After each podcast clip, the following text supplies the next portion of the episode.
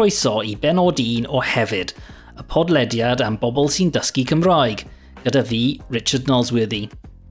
Ein gwestai cyntaf yn y gyfres hon yw Rhiannon Oliver. Mae Rhiannon yn actores sydd wedi gweithio yn y theatr a teledu ers mwy nac 17 mlynedd.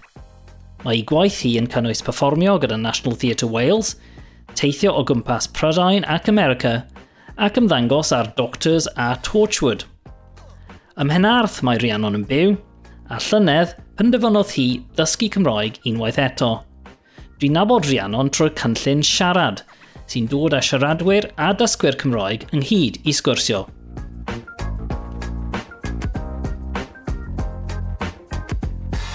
So, croeso Rhiannon i'r podlediad. Diolch yn fawr. Diolch. Ac um, rydyn ni'n nabod i'n gilydd nawr es um, sawl mis trwy'r cynllun siarad, um, ond uh, i bobl sydd ddim yn uh, dynabod di, uh, dwi'n deall bod ti'n uh, actio uh, fel swydd, felly uh, dweud ychydig bach am um, ble ti'n byw a beth ti'n neud. Diolch. Um, reit, wel, dwi'n byw a, um, yn Penath a hyn o bryd, um, ond um, es i ysgol ddrama yn Llundain um, bron 20 uh, flynedd yn ôl. Um, uh, dwi wedi graddio am uh, 20 uh, 04, dwi'n meddwl. Um, a gweithiais i, um, dwi wedi gweithio fel um, llawer o theatau, theatr um, gwahanol, uh, fel um, theatr genedlaethol yn Llundain. Um, dwi wedi gwneud chwech tymor a Shakespeare's Globe, um, a dwi wedi mynd um, i America gyda fy ngwaith, a um, y rhan fwyaf o um, fy ngwaith um, yw yn, oedd yn theatr, ond wedi gwneud tipyn bach o teledu hefyd. Rhan fach yn Torchwood a um, rhan fach yn Doctors a, a raglen um, fel, fel na.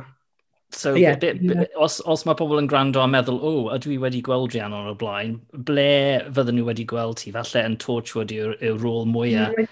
amlwg. Uh, dwi ddim yn siŵr... Um, oedd y ran yn Torchwood yn, yn really fach. Um, ces i um, uh, yeah, ran cyffroes gyda llawer o um, crio a llawer o um, pethau dramatig, ond ie, yeah, um, ond ran fach. Dwi'n meddwl, dwi, um, uh, efallai yn y theatr, um, gwnes i sioi um, uh, fendigedig yn y Stadiwm Millennium blwyddyn ddiwetha hefyd gyda um, Hijinks a um, National Theatre Wales. Um, yeah, felly pobl yn Cymru, efallai, oedd pobl yn Cymru yn, yn wedi gweld y, y sioe na. Ond ie, yeah, dwi'n dwi, dwi, dwi gwybod, dwi ddim yn enwog, dwi'n just um, uh, working actor, um, job actor, ie. Yeah. Ond ie, yeah, dwi'n dwi, dwi dwlu fy ngwaith, ond ie, yeah, dwi ddim yn, dwi ddim yn enwog. Ond ar hyn o bryd, does dim llawer o waith o'r, or fath yna, nac oes? Sut, sut, sut, sut, sut, sut ti'n amdopi ar hyn o bryd? Wel, dwi jyst wedi gorffen swydd fach, a ie, yeah, mae'n od iawn i, i gwneud rhywbeth, y dweud y gwir, achos ie, yeah, mae'n sefyllfa um, heriol um, a hyn o bryd, gyda cyfnod clo y pandemig, um, yeah, mae, mae ddim lot o, o gwaith um, a hyn o bryd, um, a dwi'n just mynd i, um, dwi wedi um, ffeindo asiant newydd um, uh, cwbl o oethnos, oethnosau yn ôl, Um, a ie, yeah, dwi'n hapus i, um, gyda, gyda hi, a dwi'n just, um, dwi dechrau i gwneud um, clyweliad dros Zoom a pethau fel yna, ond ie, yeah, mae'n mae tym bach od, ond, ond achos dwi ddim yn gweithio um, llawer a hyn o bryd, dwi'n just, um, uh, gai dweud esgus, dwi'n esgus fel dysgu Cymraeg yw fy swydd i a hyn o bryd, a dwi'n just trio galed iawn i, i, um, i datblygu fy'r iaith. Um, yeah, ond yeah, mae, uh, dwi, dwi eisiau gweithio mwy, ond dwi'n meddwl bod mae'n bwysig i bod realistig hefyd, mae'n mae ddim, mae ddim lot o, o waith. Um, Ie, yeah. yeah, yeah, yeah. amser anodd i, i bobl yn, yn y diwydiant uh, theatr, pobl sy'n actio, pobl sy'n gwneud music. Ie, yeah, dwi'n ysgrifennu tipyn bach hefyd, just achos mae'n bwysig i fi i gwneud rhywbeth creadigol. Um, felly dwi'n um, ysgrifennu stori um, am blentyn A um, yeah, dwi'n ysgrifennu um, cerddi hefyd. Ond ie, yeah, dim, dim lot o arian yn, yn, y, yn y gwaith na, ond ie. Yeah, dwi'n just, um, mae'n bwysig i, just, i diogelu um, uh, fy rhan, fy ochr creadigol um, pryd dwi'n dwi, gallu. Ie, yeah, yn sicr. A mae'n dda bod ti'n defnyddio'r amser yma i ddysgu mwy o Gymraeg fel llawer o bobl. Um, yeah. A ac yn amlwg rwy ti'n siarad Cymraeg yn dda iawn nawr, ond um, efallai dylen ni just uh, dechrau gyda dy hanes di, gyda dy, uh, mynd yn ôl yn dy fywyd di. Um, pryd, pryd nes ti de dechrau siarad Cymraeg, dysgu Cymraeg? Oeddet ti'n siarad Cymraeg pan oeddet ti yn yr ysgol? Um, Wel, ces i fy magu yn Lloegr, um, yn Southampton a Kingston upon Thames, a symudais i i Abertawe pan o'n i'n 11 oed. Um, a es i i'r ysgol gynradd Saesneg am un tymor um, ac wedyn um, es i'r ysgol uwchradd. Felly dwi'n uh, dwi ddim yn wedi siarad lot yn y, yn y um, gyda fy nheulu. Fy nhad yn siarad Gymraeg yn reiddiol, ond fy mam yn, yn, ddim yn hapus yn Gymraeg. Mae hi wedi trio, ond mae ddim yn, mae ddim yn digwydd, mae ddim byd yn digwydd a mae hi'n hapus gyda'r effaith yna.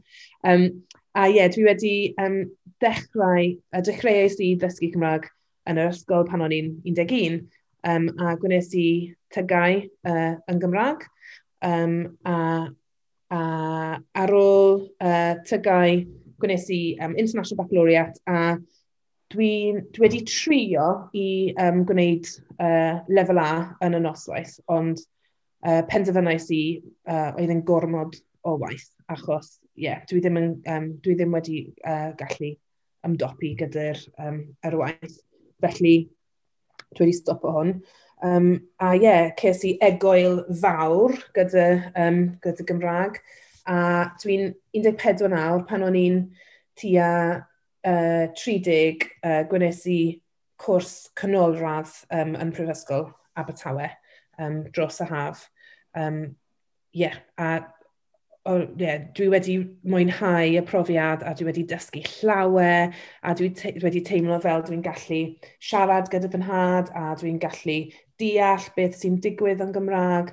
Dwi'n meddwl bod the, um, dwi'n dwi gallu, wel, pryd dwi wedi um, ail dysgu i'r iaith, dwi, dwi wedi gallu deall llawer, ond, ond dwi ddim wedi cael llawer o hyder i, i dweud rhywbeth um, neu ysgrifennu rhywbeth.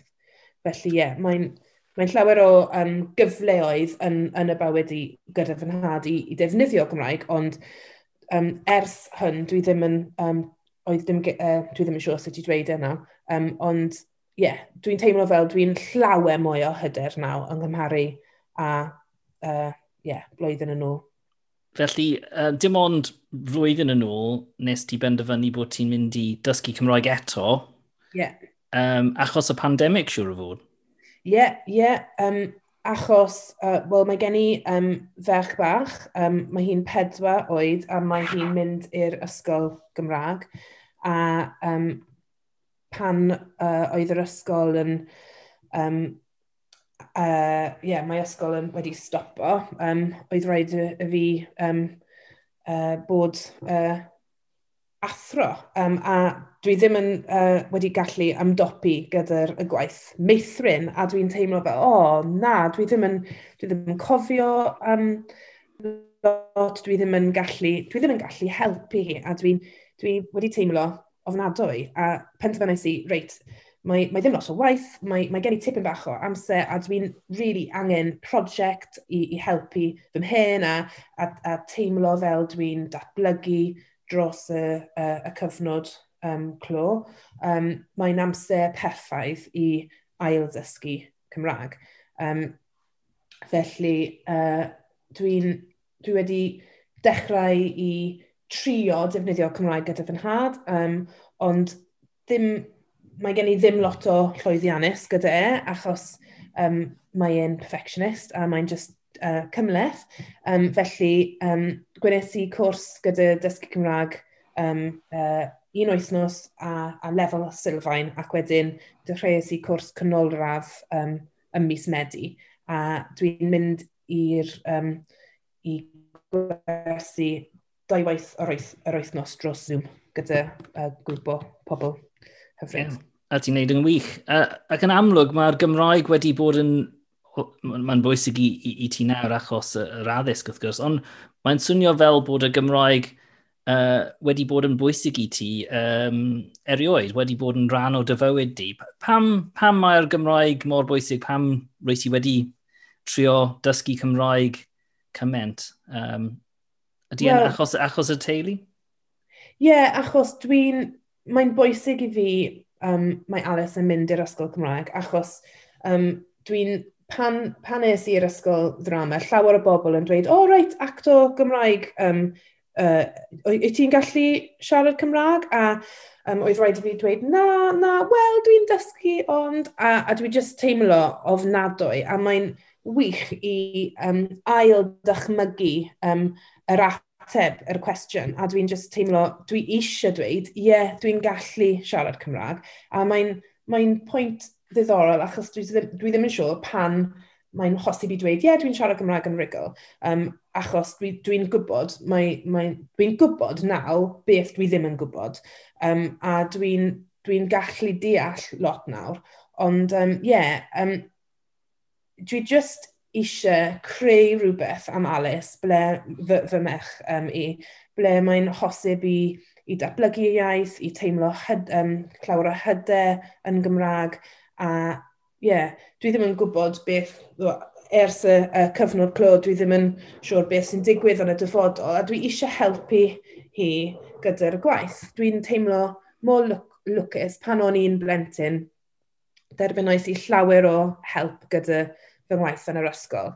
Um, uh, yeah, gyda um, bob pwnc, a dwi eisiau helpu Alice gyda'r y gwaith, a just siarad am, am y gwaith hi, a yeah, mae'n, dwi, wedi pende, dwi wedi penderfynu um, diolch y, y pandemig. Reit, mae rhaid i fi dechrau nawr, achos os dwi eisiau helpu hi gyda tygau neu lefel A, mae rhaid i fi datblygu fy iaith nawr gyda Alice a um, a dysgu gyda'n gilydd.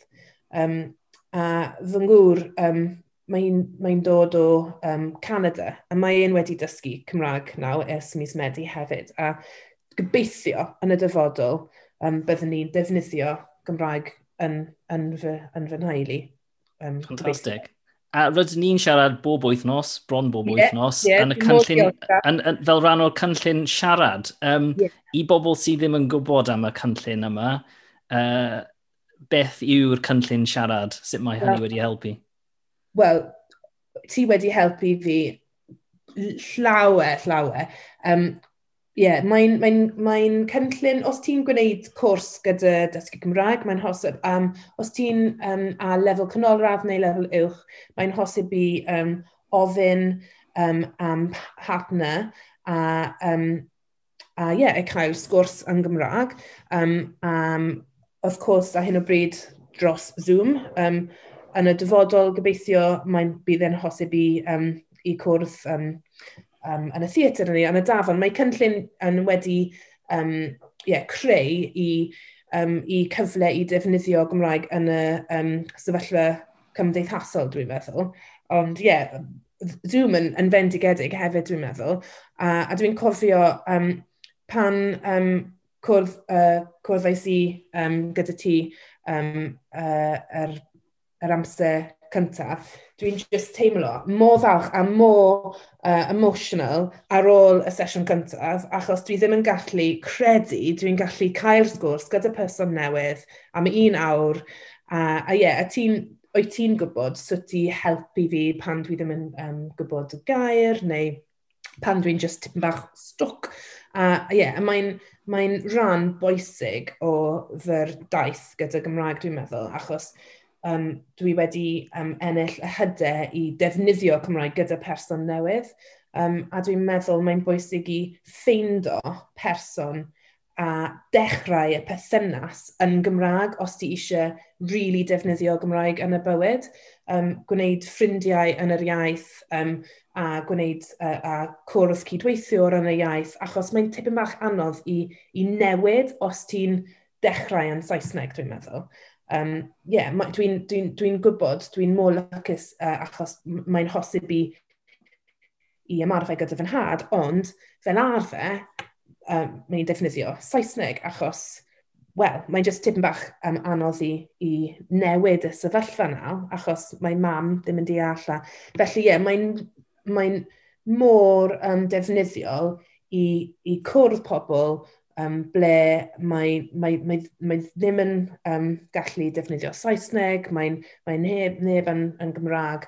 A ie, yeah, a mae'n mae rhan bwysig o, o fy'r, fyr iaith. Um, pan dwi'n teimlo, o oh, na, dwi ddim yn gallu gwneud e, dwi'n just dweud i ti, wel, dwi'n just teimlo tipyn bach, a oh, dwi'n teimlo fel dwi'n yn y sefyllfa od ble dwi'n gwybod mae rhaid i fi parhau, ond ie, yeah, dwi'n wedi colli tipyn bach o hyder efallai, a mae'n just a ddechog i cael cyfle i, i ail darganfod fy hyder a, um, ar yeah, y dal ati. Ie, yeah, dwi'n cytuno gyda ti. Mae'n yeah. gallu, mae gallu bod yn anodd i newid iaith gyda rhywun rwy sy'n nabod. Dwi, uh, dwi wedi newid y iaith dwi'n siarad gyda fy Ngymraeg. Um, right. Ac roedd hynny yn, yn anodd am cwbl o wythnosau, ond nawr mae'n teimlo'n iawn. Ond ie, yeah, os ti'n ti cwrdd â rhywun trwy'r Gymraeg, mae hynny yn neud pethau yn, yn wahanol yn dydy.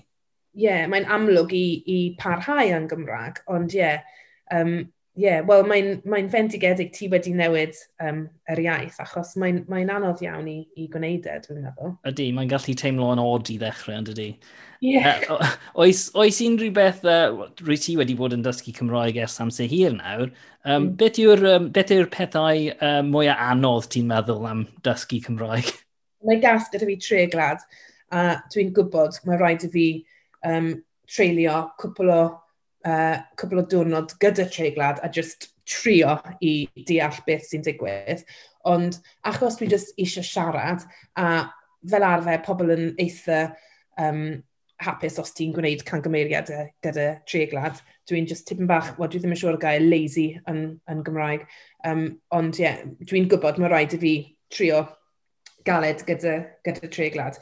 Um, a dwi'n dwi ddim, yn, dwi ddim yn gwybod dwi ddim yn sicr gyda fy gymradeg, uh, gramadeg, um, felly dwi'n defnyddio Duolingo a hyn o bryd, a dwi wedi dechrau am lefel, um, uh, wel, mae'n mae, mae lefel gyda o draig dwi, um, a bore da, Megan, a, a just uh, brawddeg mor semel, ond Um, mae'n just, well, achos dwi'n eitha flynedig gyda pandemig a, ac ati, mae'n eitha nice i just dweud uh, i gwneud rhywbeth um, hawdd.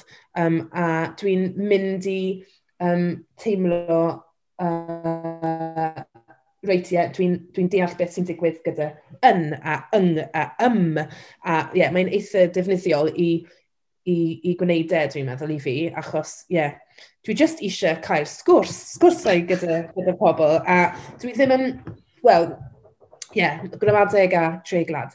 Dwi'n uh, dwi n mor lwcus, dwi just wedi gorffen uh, uh, cwrs um, gyda um, Nant Gwythyn, um, uh, Cymraeg gwaith, um, gyda cefnogaeth o Theatr Gen a Celf Cymru a Dysgu Cymraeg. Um, a dwi wedi dechrau i, i ysgrifennu mwy yn Gymraeg um, dros y cwrs. Um, felly, ie, yeah. dwi, dwi, ddim yn, dwi ddim yn cael llawer o hyder gyda fy, um, gyda fy ysgrifennu, ond ie, yeah, gobeithio bydd yn digwydd, um, bydd yn newid um, yn y dyfodol. Yeah. O, oes unrhyw um, cyngor gyda ti i ddysgwyr eraill? Oes unrhyw beth rwy ti wedi dysgu am ddysgu Cymroeg uh, fydd yn gallu helpu pobl eraill? Fy, fy tutor yn, yn y cwrs Gymraeg yw enw Rosie. Mae hi'n fendigedig.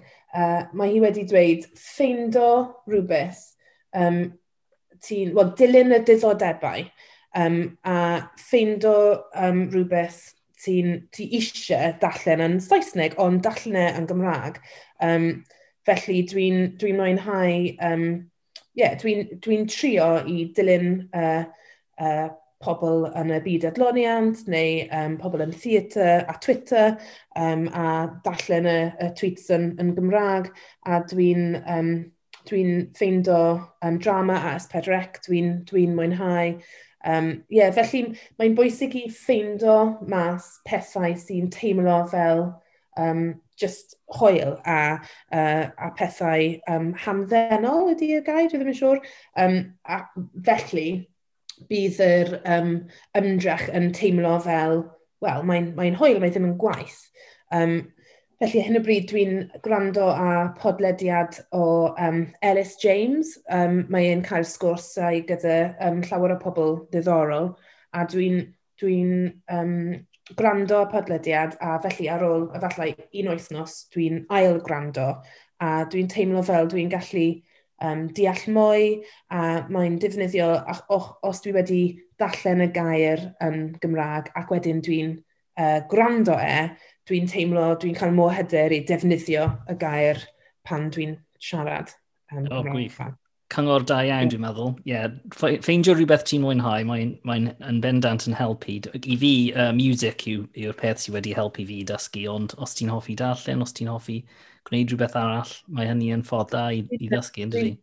A mae'n flwyddyn nawr ers dechrau'r pandemig, uh, yeah. rwy ti wedi cael blwyddyn i gwneud y uh, uh, dysgu adre gyda, um, gyda Alice a uh, sut mae'r flwyddyn wedi bod nawr? Rwy ti'n teimlo yn um, fwy hyderus yn Gymraeg? Wyt ti wedi newid y ffordd ti'n edrych ar uh, dysgu mwy o Gymraeg? Ie, yeah, dwi'n dwi dwi, siŵr, wel, dwi'n teimlo fel y, uh, y proses um, gyda dysgu Cymraeg yn, yn defnyddio, yn, yn newid fy, fy bywyd i, achos dwi'n teimlo, um, wel, dwi, mae gen i llawer mwy o hyder yn Gymraeg, dwi'n gallu helpu Alice gyda'r gwaith, dwi'n gallu siarad gyda hi, dwi'n gallu deall um, y llythyr, um, gan yr ysgol yn Gymraeg. Dwi'n gallu siarad gyda fy rieni yn ysgol yn Gymraeg.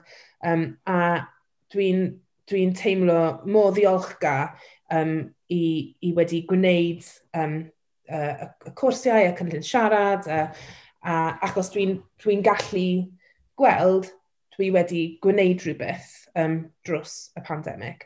Um, a ie, yeah, mae'n, mae dwi'n teimlo mor lwcus i, i, um, i wedi darganfod um, uh, mae iaith Gymraeg ydi rhan o fy bywyd nawr, rhan o fy uh, hunaniaeth a, um, a dwi'n teimlo hapus, dwi wedi, dwi'n teimlo fel dwi wedi newid rhywbeth um, achos dwi'n dwi well, gobeithio bydde un defnyddio Gymraeg yn fy ngwaith yn y dyfodol, um, bydde un, bydde ni'n um, um, dod teulu sy'n defnyddio Gymraeg um, yn, y, yn y tŷ.